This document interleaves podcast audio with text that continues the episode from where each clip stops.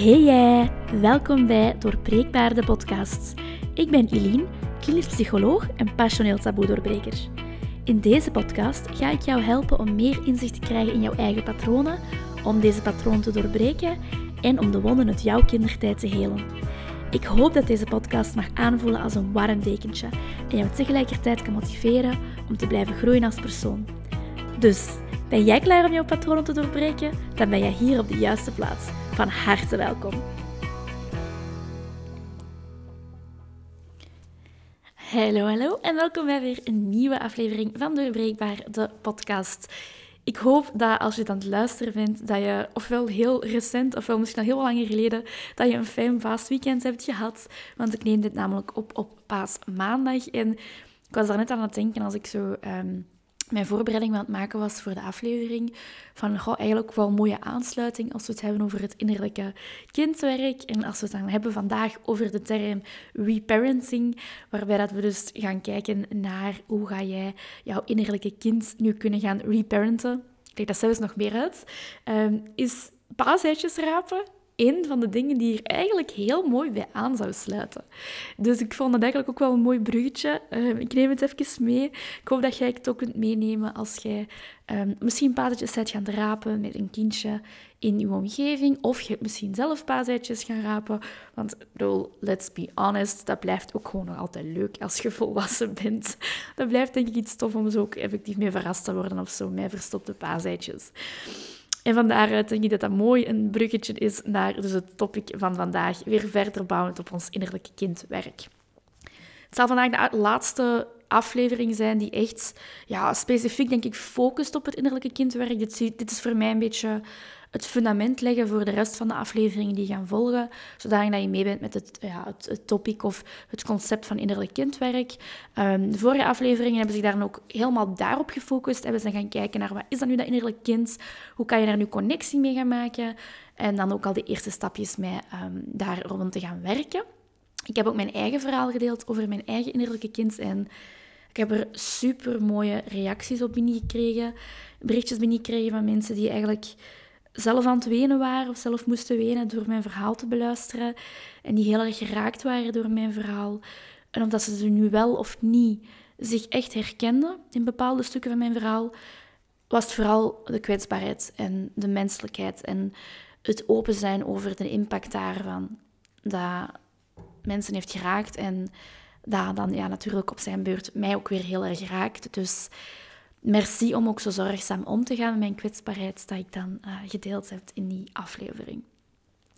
Deze aflevering ga ik dan niet zozeer over mijn eigen verhaal babbelen, maar ga ik het dus wel hebben over de term reparenting. Je gaat het misschien al wel eens hebben gehoord, want binnen de ja, Amerikaanse of Engelstalige um, psychologisch vakgebied is dat wel pardon, een redelijk populair geworden term, denk ik. Um, maar hij is nog minder bekend in Vlaanderen of het Nederlandstalige uh, gebied en theorieën binnen de psychologie. Maar eigenlijk is dat een heel mooi woord, reparenting. Er zit vooral een heel mooi betekenis achter. En um, er is niet echt een vertaling voor. Um, want als we gaan kijken naar reparenting, zouden we kunnen zeggen heropvoeden. Maar goh ja, dat klinkt misschien iets te, te autoritair of zo, opvoeden. Um, ik moet daarbij ook altijd denken aan een, cliënt van mij die ooit sprak um, over het, het, feit dat ze haar eigen innerlijke kind mee wou laten opgroeien met haar eigen twee kindjes die zij had gekregen. En ik vond het heel mooi dat zij de term opgroeien gebruikte in plaats van opvoeden. En zij kaderde dat ook van, ja, voor mij voelt opvoeden te autoritair aan, te strikt aan, te, renzel, grenzen of um, regelgevend aan en mist dat warmte. en ik kon er ook wel in volgen, dat ik dacht van, goh ja, dat is eigenlijk wel mooi gezegd. Dus in die zin, heropvoeden klinkt veel strenger en strikter, denk ik, dan dat de term reparenting echt inhoudt. En ja, als ik dan opzoek, eh, als ik daar opzoeken, vertaling reparenting, dan kom je op, denk ik, um, structuur, reorganisatie. Dus uh, ik denk niet echt dat dat een aantrekkelijk woord is om te gebruiken. Dus bij deze, we gaan het gewoon houden over reparenting, het Engelse woord. Op zich is het niet zo moeilijk. Hè? Waar komt dat nu eigenlijk op neer? We moeten daar weer even voor terug naar vroeger en algemeen een relatie tussen ouder en kind. Als we kind zijn, dan vertrouwen we namelijk op onze ouders, op onze um, ja, voogden om ons te gaan voorzien in fysieke, emotionele uh, en andere noden die wij hebben. Als kind willen wij natuurlijk erkend worden, willen wij gehoord worden en gezien worden, willen wij onszelf mogen zijn. Dat is natuurlijk in een ideaal scenario ook het verloop van opgroeien. Hoe dat, dat zou moeten of zou mogen gebeuren. Dat wij dus al die noden ingevuld krijgen door onze ouders. En die ondersteuning van, van onze noden en onze behoeften, die invulling daarvan, die geeft dan ook die veiligheid aan ons als kind om die behoeften ook weer later te mogen uiten en bijvoorbeeld hulp te mogen vragen. In dat ideaal scenario gaat dat dan ook relatief gemakkelijk lukken. Als je trouwens uh, op de achtergrond zo wat uh, gekraak hoort, dat is mijn kat die brokjes aan het eten is. dus dan weet je dat.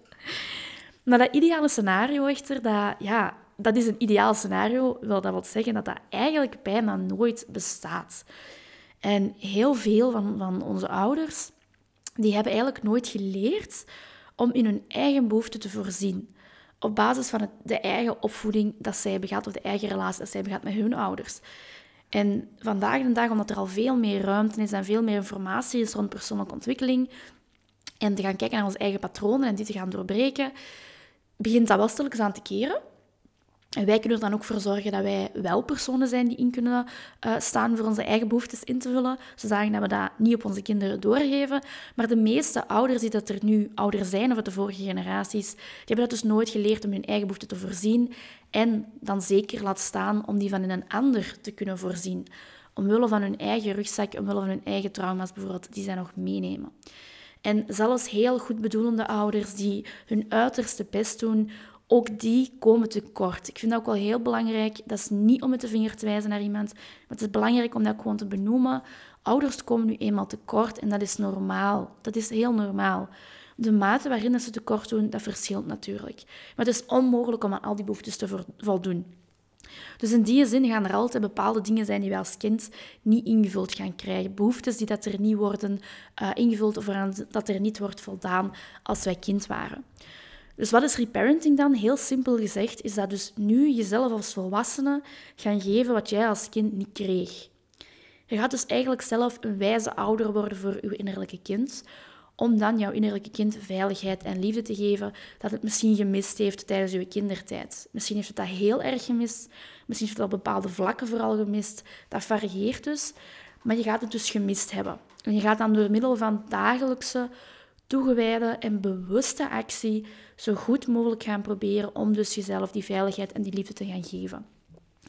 En heel kort gezegd, het mantra dat je daarvoor bij jezelf kan gaan vastnemen, als, ja, eh, als, een, als een houvast of een, een cheerzinnetje, is jezelf continu de vraag stellen, wat kan ik mijzelf nu geven? Wat heb ik nu nodig? Dat is eigenlijk kort gezegd wat reparenting is. Maar natuurlijk, um, dat is een breed begrip. En dan hoor ik uh, ook logischerwijze de mensen al denken, ja, maar wat is dat dan, reparenting? Want je zegt wel wat het is, maar wat is het dan echt? Of hoe begin ik daar dan echt aan? En je kan dat op jezelf doen en voor een stuk kan je dat ook in relatie tot andere mensen doen. Als we bijvoorbeeld gaan kijken naar therapie, eigenlijk gebeurt reparenting ook binnen een therapeutische setting.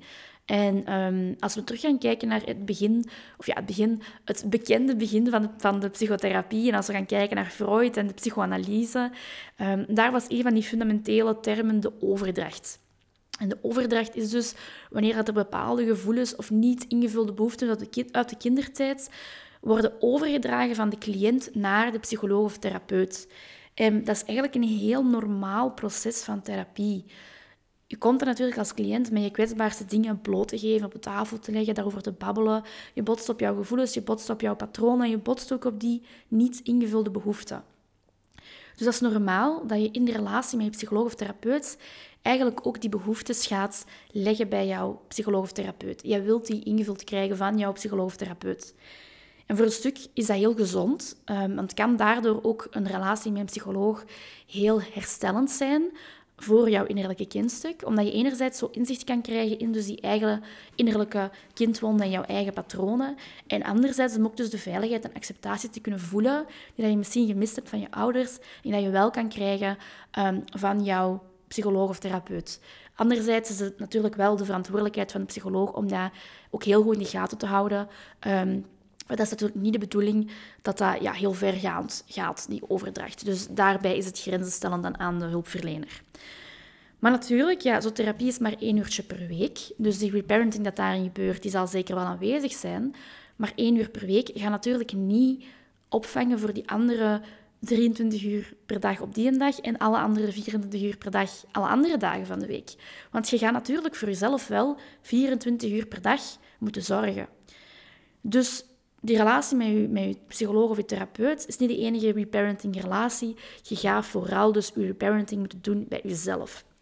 En daar zijn er dus vier pijlers dat we kunnen gebruiken die onder reparenting vallen. Ik ga ze in deze aflevering dus alle vier overlopen.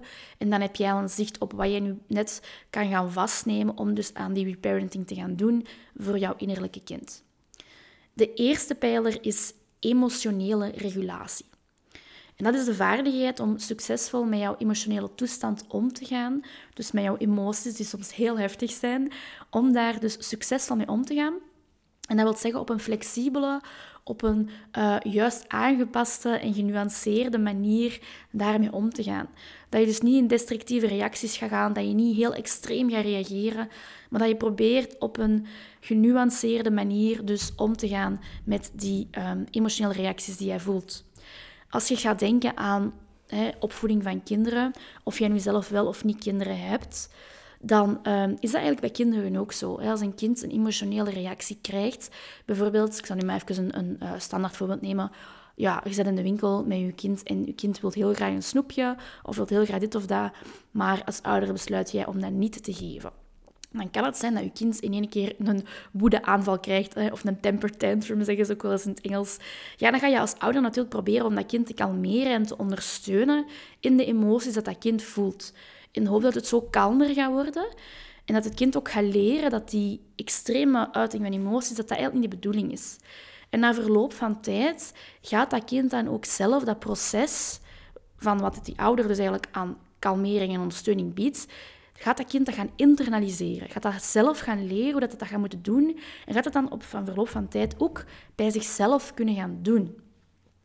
En dat is eigenlijk de basis van emotionele regulatie. Dat jij als kind dus leert, omdat jouw ouders dat bij jou hebben gedaan, hoe jij met jouw emotionele reacties kan omgaan. Maar velen van ons moeten dat eigenlijk nog leren, of velen van ons moeten eigenlijk nog dat vermogen ontwikkelen om onszelf dus emotioneel te gaan reguleren. En in moeilijke momenten moeten we dan ook wel weten hoe we voor onszelf kunnen zorgen door dus kalm te blijven wanneer dat we heel heftige emoties voelen. Dat is natuurlijk specifiek voor verschillende personen en specifiek voor jou. En wat voor mij werkt, zal misschien niet per se voor jou werken. Ehm, maar het is wel belangrijk dat we eigenlijk leren om een onmiddellijke emotieregulatie te leren. Wat wil ik daarmee zeggen? Op het moment dat we ergens door getriggerd worden en dat we heel erg emotioneel worden, heel erg van streek raken, dat we dan iets hebben waardoor we ons onszelf snel kunnen gaan reguleren.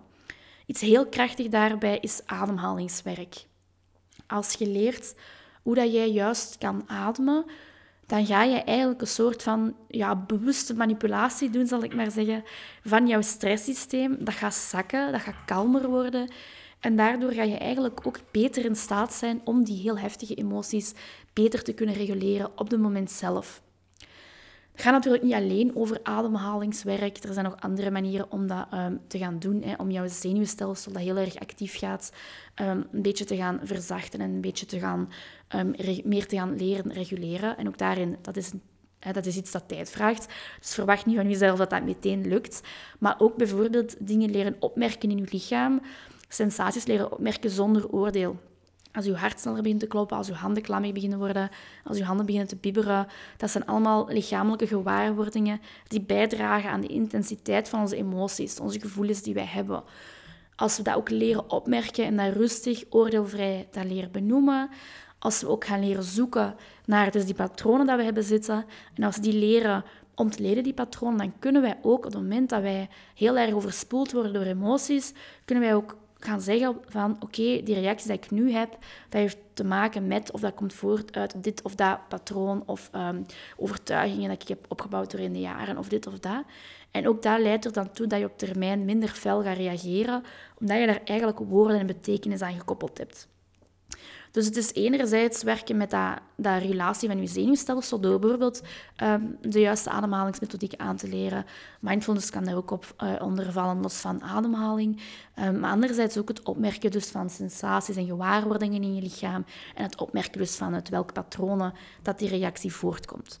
Daar heb ik vorige keer, of in de vorige aflevering, ook al wat uh, meer op ingegaan um, met connectie maken met je innerlijke kind. Dat je dus probeert te gaan zoeken naar een overeenkomst tussen waarom reageer ik nu zo en wat is er misschien in het verleden gebeurd of geweest waardoor ik, um, dat ik toen ook zo reageerde. En dan vind je dus patronen. Dus dat is de eerste stap van reparenting, is dus die emotionele regulatie gaan aanleren. De tweede stap is liefdevolle discipline. Heel belangrijk, dat bestaat hier uit twee delen. Um, want er staat niet alleen discipline. Voor veel mensen heeft discipline een negatieve bijklank. En we merken dan ook dat als we daarover zouden spreken, dat we onszelf meer moeten disciplineren bijvoorbeeld, dat we daar wat op, op bokken of dat we daar weerstand rond kunnen creëren omdat we misschien bijvoorbeeld als kind veel te veel discipline hebben gekregen van onze ouders, dat onze ouders misschien veel te streng waren, of tegenovergestelde, dat onze ouders misschien absoluut geen discipline hadden. En ons maar loslieten en maar lieten doen. En bij beide scenario's kan het zijn dat je daardoor een weerstand hebt gecreëerd over discipline. In het scenario van ze zijn te streng, is dat omdat je niet terug wilt gaan naar het afstraffen van jezelf, zoals dat misschien vroeger is geweest. In het scenario van ze waren te, uh, te mild en er waren geen, geen regels, dan ga je misschien zoveel schrik hebben van discipline, omdat je dat nooit hebt gehad, dat je er ook een weerstand voor gaat voelen. Maar eigenlijk is discipline op een liefdevolle manier heel belangrijk. Moeten we dat onszelf aanleren en is dat een van de beste cadeaus dat we onszelf kunnen geven. Dus het is niet de bedoeling dat we onszelf veel te strikte grenzen gaan opleggen um, of dat we onszelf geen grenzen gaan opleggen. We moeten vaak nog leren om dus onszelf daarin te kunnen um, begrenzen. En dat is natuurlijk niet zo, niet zo evident. Hè. Het houdt dus in dat we grenzen creëren met onszelf en dat we dat doen op een eenvoudige manier. Dat we onszelf niet te, veel, niet te hoge en te veel verwachtingen gaan opleggen, maar dat we gaan proberen om gezonde gewoontes en routines in ons leven te gaan implementeren, die dan positieve effecten zullen gaan hebben. Nu, dat is natuurlijk um, niet alleen onszelf discipline opleggen om bijvoorbeeld um, een promotie te kunnen krijgen op het werk of een deadline te kunnen halen of uh, voor een examen te studeren. Daarvoor hebben we zeker ook wel discipline nodig. Maar het gaat ook eigenlijk wel over ja, basisacties die wij kunnen uitvoeren. Hè. Bijvoorbeeld dat je zegt van ik ga op tijd opstaan of ik ga twee keer per dag mijn tanden poetsen. Dat zijn zo wat basisacties die dat... Um, op zich niet heel groot lijken te zijn, maar eigenlijk vragen die ook wel discipline om die kleine handelingen telkens opnieuw te doen. Dus het gaat dus over twee luiken. Hè. Zo de basisactietjes die we eigenlijk zouden doen. Het huishouden, de afwas, en dus met de stofzuiger rondgaan. Um, ja, als we niemand hebben die ons zegt dat we dat moeten doen, dan moeten we dat onszelf aanleren. Dan moeten we dat op een disciplinaire, maar liefst liefdevolle disciplinaire manier gaan um, aanleren. En anderzijds gaat het ook over dus hoe dat jij jouw doelen, jouw doelstellingen en jouw dromen um, kan, gaan, kan gaan halen of daar kan naar gaan toewerken. En dat je dus ook jezelf gaat motiveren om daarnaar te leren toewerken. Dus vanuit liefdevolle discipline kan je jezelf gaan afvragen van welke positieve gewoonte zou ik nu mezelf graag aanleren? Waar zou jij nu baat bij hebben om aan te leren? En um, baat bij hebben moeten we een beetje ruimer trekken, want natuurlijk, ja, als je um, als je zegt van, ik heb geen energie of ik heb geen zin, ja, dan gaat het natuurlijk ook weinig, in je hoofd weinig paad hebben, bijvoorbeeld bij een opgeruimde keuken. Ik zeg dit ook terwijl ik naar links kijk en denk, aha ja, ik moet zelfs dus mijn keuken nog gaan opruimen. Dus het, uh, voorbeeldje van de keuken is nu letterlijk uit het leven gegrepen. Heb ik daar echt zin in? Ja, nee, uiteraard niet. Maar ga ik dat doen? Ja, omdat dat voor mij belangrijk gaat zijn wat het mij gaat opbrengen op, uh, als ik uitzoom. Hè. In, eerste instantie zou het dan fijner zijn om zelfs in de zetel te gaan liggen en te gaan Netflixen. Maar eigenlijk zou ik daar dan niet veel uithalen. Dus waar, wat zou ik wel kunnen halen uit de keuken opruimen? Um, rust in mijn hoofd is dat bijvoorbeeld voor mij. Een, een aangename, rustige leefomgeving. Dat zijn dingen die voor mij op zich wel belangrijk zijn, waar ik weet dat ik me beter bij voel dan dat ik in de zetel ga liggen um, en dan het allemaal opstapelt en opschuift. En dan ga ik ook niet echt een gevoel van succes ervaren voor mezelf. Um, terwijl die kleine dingen doen die mij toch succeservaring gaan geven, ja, die zijn natuurlijk wel een stukje fijner. Dus stel jezelf eens aan die vraag, wat zou jij graag jezelf willen aanleren? Of wat kan jij doen? Of wat stel je uit van, um, van dingen die dat er zouden tussen haakjes moeten, pardon, moeten gebeuren? En uh, welke stapjes kan je nemen om dat toch te doen? En stel dat je echt zegt van, ik heb daar zoveel last mee en ik zou zo eens een beetje een um, levensingrijpend, is misschien groot gezegd, maar toch wel een motivationele speech daarover horen, dan zou ik u echt aanraden om eens te gaan, um, op YouTube te gaan kijken naar een um, speech. En het was een graduation speech, niet van een student, maar van een, uh, een ex-Navy SEAL. Of hij was misschien toen nog wel Navy SEAL, dat weet ik niet. Maar iemand die dus jarenlang in het Amerikaanse leger had gediend. en zijn naam is William H. McRaven. En hij heeft zo'n motivationele speech gedaan, waar dat eigenlijk de boodschap was van als je de wereld wilt veranderen, begint met ochtends uw bed op te maken. Dat is een taak die je kunt afmaken en dan start je direct met een succesgevoel en loopt dat door de rest van de dag. Um, dat is een super motiverende speech, dus kan ik zeker raden om eens even te luisteren. En dat trekt het ook wel een beetje breder van, die liefdevolle discipline. Wat kan dat allemaal opbrengen op termijn als we onszelf dat wat gaan meer gaan aanleren? Dat is de tweede pijler van reparenting. Dus de eerste was die emotionele regulatie, de tweede was liefdevolle discipline en dan gaan we over naar de derde. De derde is zelfzorg. Nu, zelfzorg dat gaat hand in hand in principe met discipline. Want ja, echte zelfzorg dat is leren wat dat uw behoeften zijn op dit moment, terwijl dat ook op zoek gaat naar um, ja, allerlei manieren dus om aan die behoeften te voldoen. En ik geloof op zich dat op heel veel manieren reparenting en zelfzorg eigenlijk hetzelfde zijn. Aangezien dat reparenting gaat over uzelf, of de, de, bij, voor uzelf de behoeftes en noden invullen die er vroeger niet werden ingevuld. En zelfzorg gaat over het echt voor jezelf zorgen door je behoeftes te leren herkennen en in te vullen. Ja, daar zit veel overlap in. En ik weet dat er nog, het begint al wat meer los te komen, maar toch zijn er heel wat mensen die zelfzorg beschouwen als een, een badje pakken of um, ik ga een nagels laten doen of ik ga gaan winkelen. Of... Dat is op zich allemaal echt prima en dat valt ook onder zelfzorgactiviteiten. Uh, maar we mogen ook het ruimere aspect niet vergeten van zelfzorg. En ook zeker niet zo de fundamentele zaken, zoals van de slaap en voeding en lichaamsbeweging, um, zelfacceptatie, mildheid voor jezelf. Dat valt ook allemaal onder zelfzorg. Je um, relaties in de gaten houden en daar ook grenzen in kunnen stellen Let op met, opletten met people pleasing. Valt eigenlijk ook allemaal onder zelfzorg. Dus in die zin um, vind ik dat wel wat hand in hand gaan, uw parenting en zelfzorg. En uiteindelijk bijvoorbeeld jezelf liefdevolle discipline aanleren is ook een, een vorm van voor jezelf zorgen. Aan emotionele regulatie doen is ook een vorm van voor jezelf zorgen. Dus we kunnen dat ook ruimer gekoppeld zien, en die zelfzorg. En we kunnen dat ook wat inzoomen um, en back to the basics gaan. En elke keer dat we er eigenlijk voor kiezen om in onze behoeftes dus te leren voorzien en daar ook naar te gaan handelen, dan gaan we dus elke keer eigenlijk tegen dat innerlijke kind in onszelf zeggen van je bent het waard om voor te zorgen en ik zie u en ik hoor u en ik ga voor u zorgen. We vergeten dat ook soms wel gewoon. In onze moderne levens um, vergeten we eigenlijk heel vaak onze zelfzorg en vergeten we ook heel vaak dat ons lichaam dat nodig heeft om goed te kunnen functioneren. Als we niet voor ons lichaam zorgen, dan kunnen we eigenlijk ook niet voor onze geest zorgen en ook vice versa. Het heeft ook geen zin om enkel voor ons lichaam te zorgen en onze geest compleet te negeren. Dus dat zijn twee delen van éénzelfde geheel, zoals yin en yang ik altijd. Dus in die zin is het wel nuttig om bij zelfzorg ook echt een back-to-basics houding dus te hebben. Um, en dus gaan nadenken over die, die basics van uw lichaam. Hè. Dus voldoende slaap, um, gevarieerde voeding, voldoende beweging. Dat valt voor mij echt onder de lichamelijke basics. Um, dat helpt ook wel gewoon om dat in ons zelfzorgpakket pakket echt als een fundament te leggen. En daarbovenop komen er natuurlijk dan die andere manieren van zelfzorg. Bijvoorbeeld die emotionele uh, relatie als zelfzorg. En zorgen dat je in je relaties niet te veel aan people pleasing gaat doen, dat je nee ligt zeggen. Dat komt er allemaal bovenop. Uh, maar dus die fundamenten die liggen daar ook echt wel um, als een belangrijk stuk in zelfzorg. Dat er bij veel mensen overschiet, omdat ze bijvoorbeeld ja, niks zouden opbrengen. Of je, ja, verdient er geen geld door. Uh, of je hebt, nog veel, je hebt nog veel werk te doen. Dus je zult dan toch maar niet vandaag gaan, gaan bewegen of zo. Um, dus neem dat mee voor jezelf, die, die fundamenten van die zelfzorg en het belang daarin voor reparenting. Oké.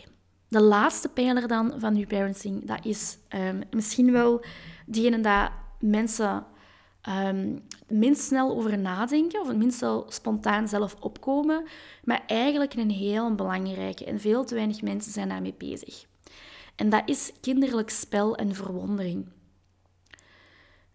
We zijn dat als volwassenen vaak gewoon kwijtgespeeld. Um, als we gaan kijken naar ja, hoe zijn kinderen, hoe houden ze zichzelf bezig, een kind dat speelt, dat geniet, dat is niet bezig met het oordeel van anderen, dat ravot, dat danst en springt, dat zingt, dat is luid, dat rolt overal, dat is, dat is uh, heel erg energiek. Allee, de meeste kinderen, ik wil natuurlijk niet veralgemenen, um, maar die doen maar op. Hè. Een kind wordt nog niet zo afgeremd door al die dingen. En doorheen de jaren, als wij volwassen worden, dan ja, leren wij onszelf dat eigenlijk wat af, omdat we dus zo vaak in onze chaotische levens dat ook wel gewoon vergeten, van dat dat helpt, dat dat speelse, dat, dat dat helpt voor ons om vreugde te voelen, om ons vrij te voelen, om stress te ontladen, omdat we er moeilijk prioriteit aan kunnen geven, omdat we niet het gevoel hebben dat dat is waar we als volwassen mensen moeten bezig zijn. Of ja, betaalt uw rekeningen niet. Um, of we kijken daar zo met wat, met wat spot naartoe. Ja, als, eigenlijk als je als ouder bijvoorbeeld naar um, een binnenspeeltuin gaat of zo met je kinderen, als het natuurlijk mag, pak dan misschien een buitenspeeltuin, daar is iets met de regels. Um, maar kun je eigenlijk mee, echt meespelen met je kind. Je hoeft niet op een bankje te gaan zitten kijken naar je kind. Je mag echt meespelen. En eigenlijk is dat net heel fijn om zo ook dan op die manier met je, met je eigen innerlijke kind in connectie te komen. En dus ook die vierde pijler van kinderlijk spel en verwondering mee vast te nemen. Je gaat daarvoor misschien moeten uh, vechten tegen bepaalde delen van jezelf die zegt dat tussen haakjes kinderachtig is. En eigenlijk, goh, ja, dat is kinderachtig, maar dat is niet fout. Dat is net gezond. Um, of misschien andere delen die gaan zeggen dat is egoïstisch, je mocht dat niet doen, want je moet niet zomaar iets doen puur voor het plezier daarvan. Er zijn veel nuttigere, tussen haakjes, dingen die je kunt doen. Um, terwijl dat eigenlijk echt wel enorm, enorm nuttig is. Dus dat gaan misschien dingen zijn bij jezelf, bepaalde oordelingen die je gaat moeten leren opmerken bij jezelf en die je mocht gaan leren tegengaan.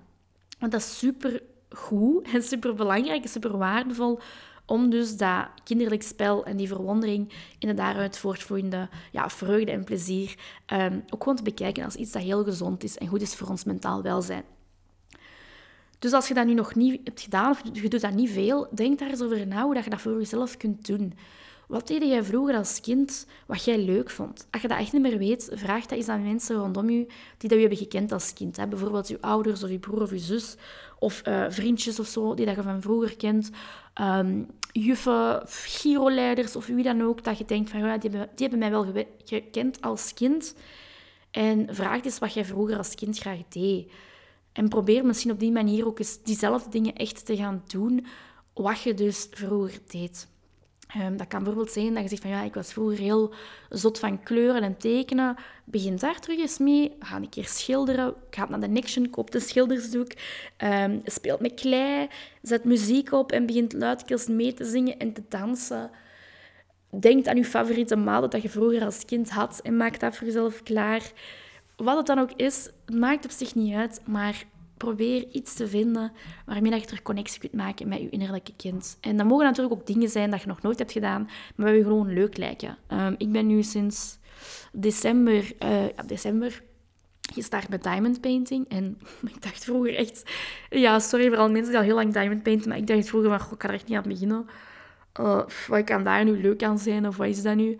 En ja, ik neem dat allemaal terug, want het is super ontspannend voor mij. Mijn focus ligt dan zo op één simpel taakje, is plezant. Uh, een tijdje geleden heb ik ook eh, ja, geschilderd. Ik wil er nog eens mee verder doen om de doek af te maken. Um, wat kan dat nog zijn? Uh, bijvoorbeeld, ik hoor ook van veel mensen of volwassenen die er wel mee bezig zijn. Dat ze bijvoorbeeld uh, met um, allez, Lego, bijvoorbeeld met Lego dingen aan het bouwen zijn. Lijkt mij ook super tof. Of Playmobil spelen. Of...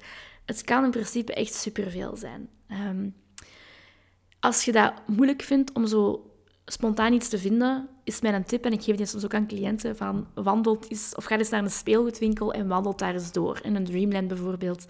Um, ga daar eens naartoe en wandelt eens door die gangen en denk eens na over die dingen dat je daar ziet, die dan zogezegd voor kinderen zijn, maar dat maakt niet uit. Van wat zou hier nu echt leuk zijn? Of wat lijkt mij nu eigenlijk nog wel leuk om te doen? En ga dat gewoon doen. Ga dat gewoon doen. Probeer het gewoon na te denken. Een ouder zou ook met een kindje meespelen. Als je als ouder een kind hebt en je kind wil bijvoorbeeld met Play-Doh gaan spelen, dan zulde jij gaan meedoen met je kindje.